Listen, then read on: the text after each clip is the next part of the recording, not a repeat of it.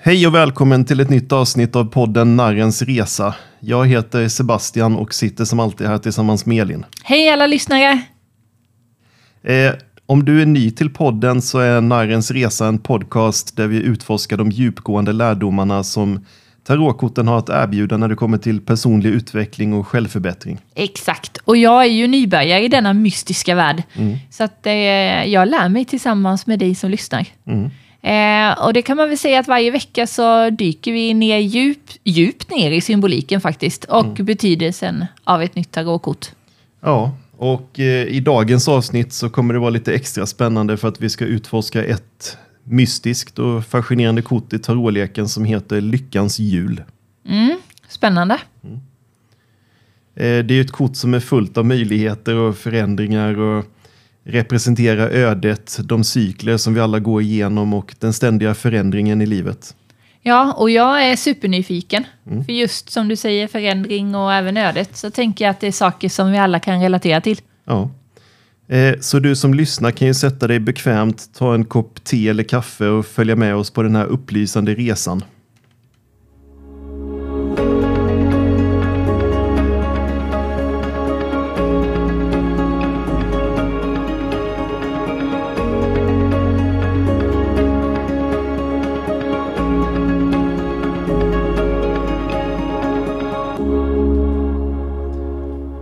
Och nu när vi har krattat manegen och satt scenen så dyker vi rakt ner i dagens huv- huvudämne, Lyckans hjul. Eh, och eftersom det här är ett av de mer komplexa korten i tarotleken så är det viktigt att verkligen förstå all den symbolik och mening som finns inbäddad i det.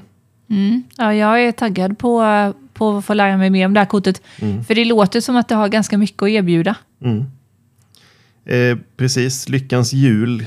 På engelska så är kortet känt som Wheel of Fortune.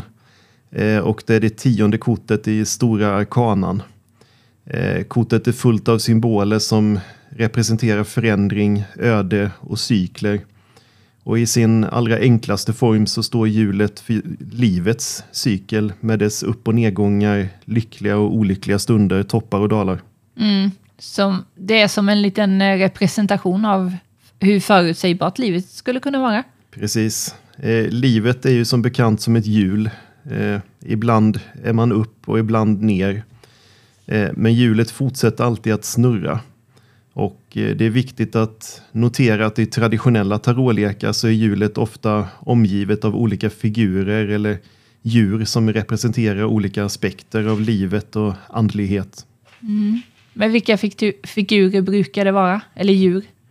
Ja, det är en bra fråga. Eh, om man tittar på kortet så ser man ofta en orm, en sfinx, ibland en örn eller en tjur runt omkring djuret, eh, eller hjulet. Och eh, de här symbolerna kan tolkas på lite olika sätt beroende på tradition men oftast representerar de evisk, cyklisk förändring, visdom och eh, de elementära krafterna i livet. Mm, ja, det låter djupt. Ja, precis. Och eh, just därför är det ju spännande att utforska det här kortet för att lyckans hjul talar till oss på så många olika nivåer från det personliga till det universella och kortet utmanar oss också att tänka på hur vi kan anpassa oss till förändring och till och med förstå ödets roll i våra liv.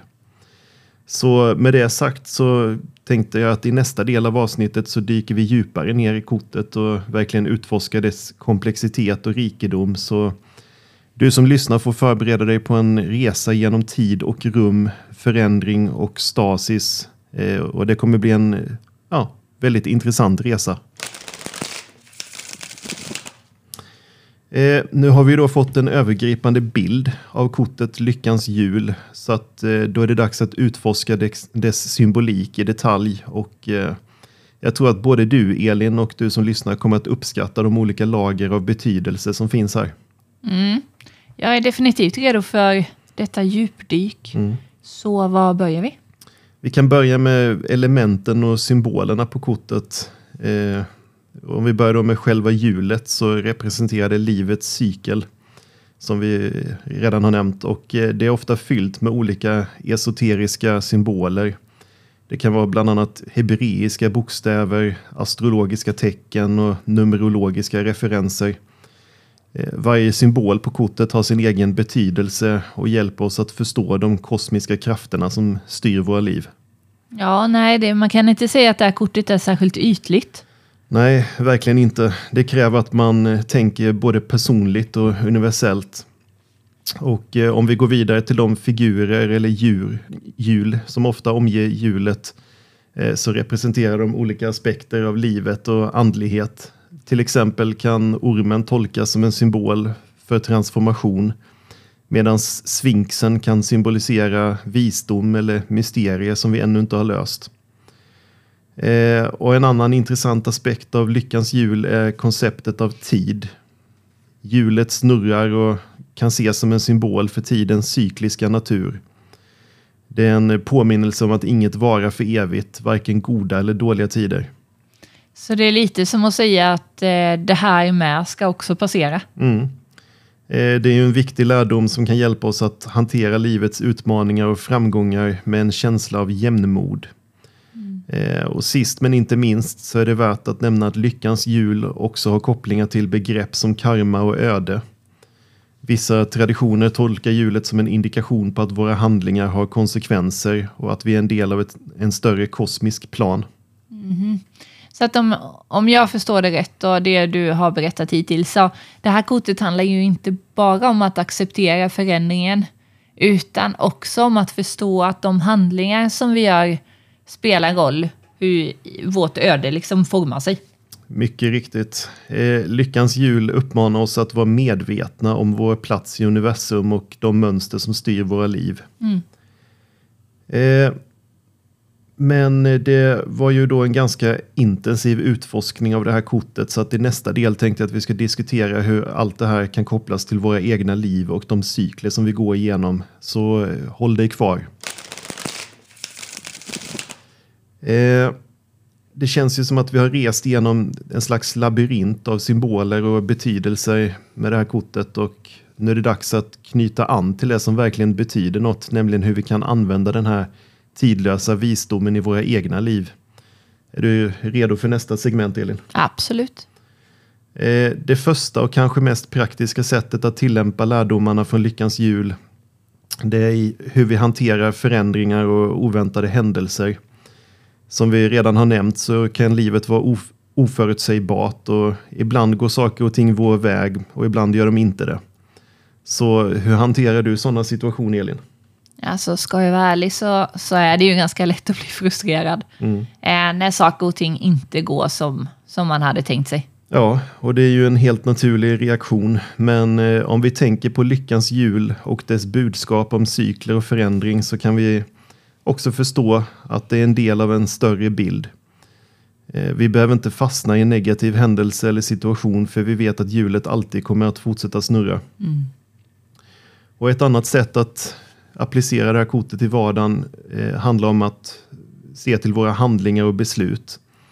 Eh, om vi tänker på konceptet av karma eller öde så kan vi bli mer medvetna om hur våra handlingar kan påverka både oss själva och andra. Mm, och det är faktiskt en viktig punkt det du säger. Mm. För det är ju lite som att säga att våra handlingar har betydelse. Mm. Eh, och att vi därför också bör agera på ett sätt som, som reflekterar det då. Precis. Eh, och det handlar inte heller om bara stora livsval utan det kan även handla om små dagliga beslut och hur de formar vår egen erfarenhet av livet. Mm. Eh, och slutligen så skulle jag säga att lyckans hjul kan hjälpa oss att hitta en balans i livet. Eh, kortet uppmanar oss att inte bli alldeles för upphetsade i lyckliga tider eller alltför nedslagna av svåra tider utan balans är nyckeln. Mm, och det är ju faktiskt en väldigt bra lärdom. Ja. För det handlar ju också, tänker jag, om att vara just jordnära, uppskatta nuet. Mm. Och, och det gäller ju oavsett var man är i livets cykel. Då. Ja, mm. absolut.